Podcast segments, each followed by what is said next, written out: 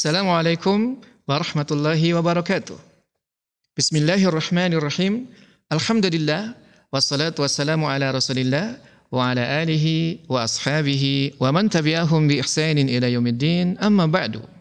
Ikhwas sekalian yang semoga senantiasa berada dalam lindungan Allah Subhanahu wa taala. Pada episode yang ke-19 ini, insyaallah saya akan membawakan kisah tentang Bayat Aqobah yang kedua pada musim haji tahun ke-13 kenabian, kaum muslimin dari Madinah yang berjumlah 70-an ikut dalam rombongan orang-orang musyrik untuk melakukan ibadah haji. Setibanya di sana, mereka segera menghubungi Rasulullah SAW. Lalu dengan rahasia, mereka sepakat untuk bertemu di tengah-tengah hari tasyrik. Maksud hari tasyrik adalah tanggal 11, 12, dan 13 dari bulan Dhul Hijjah. Mereka bersepakat untuk bertemu di suatu lembah Aqobah dekat Jumratul Ula yang terletak di Mina untuk melakukan bayat. Pada hari yang telah ditentukan di tengah malam yang gelap gulita, sambil mengendap-endap agar tidak diketahui rombongannya, yaitu kaum musyrikin, mereka pergi ke lembah Aqobah. Mereka saat itu berjumlah 73 orang laki-laki dan dua orang wanita. Dua wanita tersebut adalah Nusaybah binti Ka'ab atau juga yang dipanggil dengan Ummu Ammaro dan juga Asma binti Amr yang mana kunyah beliau adalah Ummu Mania.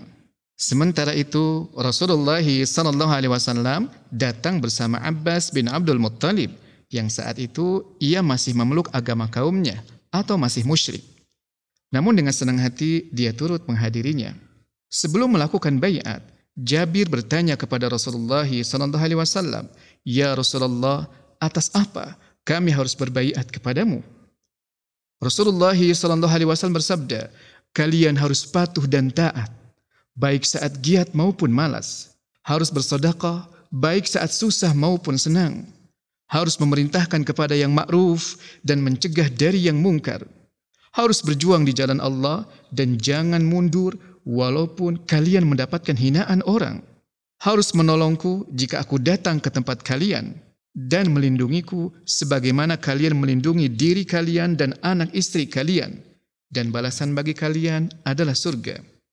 Setelah masing-masing pihak memahami satu persatu isi bayat yang akan mereka ucapkan dan sadar akan konsekuensinya yang berat serta kesiapan mereka untuk melaksanakan bayat tersebut, maka mulailah satu persatu mereka berbaiat kepada Rasulullah sallallahu alaihi wasallam dengan cara berjabat tangan. Adapun terhadap kaum wanita yang turut serta dalam baiat tersebut, Rasulullah sallallahu alaihi wasallam cukup mengambil baiatnya dengan ucapan saja. Sebab Rasulullah sallallahu alaihi wasallam tidak pernah sekalipun bersalaman dengan wanita yang bukan mahramnya. Demikianlah baiat Aqabah yang kedua yang juga dikenal dengan Bayat Aqabah Kubro berakhir dengan penuh persaudaraan dan komitmen yang teguh untuk saling membela Islam. Dari sinilah kekuatan Islam yang akan menggetarkan dunia sedang diayunkan. Setelah bayat selesai dilaksanakan, Rasulullah SAW meminta kepada peserta bayat tersebut untuk menunjuk 12 orang di antara mereka sebagai pemimpin di mana mereka harus bertanggung jawab atas reguknya masing-masing dalam melaksanakan isi bayat tersebut. Maka segera saja mereka memilih 12 orang tersebut. 11 orang dari suku Khazraj, adapun tiga orang berasal dari suku Aus. Pada detik-detik terakhir, syaitan mengetahui adanya bayat tersebut. Namun karena sempitnya waktu, tidak mungkin bagi syaitan untuk menyampaikan hal itu kepada para pemimpin Quraisy secara rahasia agar mereka melakukan penyergapan mendadak. Akhirnya syaitan naik ke sebuah bukit lalu berteriak tentang pertemuan itu. Syaitan pun berseru dengan suara lantang, "Wahai penduduk Mina, tidakkah kalian merasa terhina? Orang-orang murtad itu berkumpul bersama Muhammad di daerah kekuasaan kalian." Rasulullah SAW berseru, ini adalah azab aqobah. Maksudnya adalah bahwa nama jin itu adalah azab di mana dia adalah salah satu jin yang menghuni aqobah. Kemudian Rasulullah Wasallam pun berkata kepada syaitan tersebut, Demi Allah, wahai musuh Allah, sungguh aku akan mengerahkan seluruh kemampuan untuk melawanmu. Ketika mendengar teriakan syaitan ini, Al-Abbas berkata, Demi zat yang mengutusmu dengan al-haq, jika engkau mau, sesungguhnya kami bisa menyerang penduduk Mina dengan pedang-pedang kami besok hari. Tetapi Rasulullah SAW bersabda kepada mereka, kita belum diperintahkan untuk itu.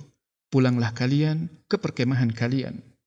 Kemudian para sahabat pun kembali ke tempat tinggal mereka. Keesokan harinya, para pembesar Quraisy mendatangi orang-orang Madinah di tempat tinggal mereka. Saat itu masih bercampur antara yang muslim dan yang musyrik. Para pembesar Quraisy itu menanyakan kebenaran berita bayat ini. Mereka juga menanyakan keinginan kaum muslimin Madinah yang ingin membawa Rasulullah SAW ke Madinah.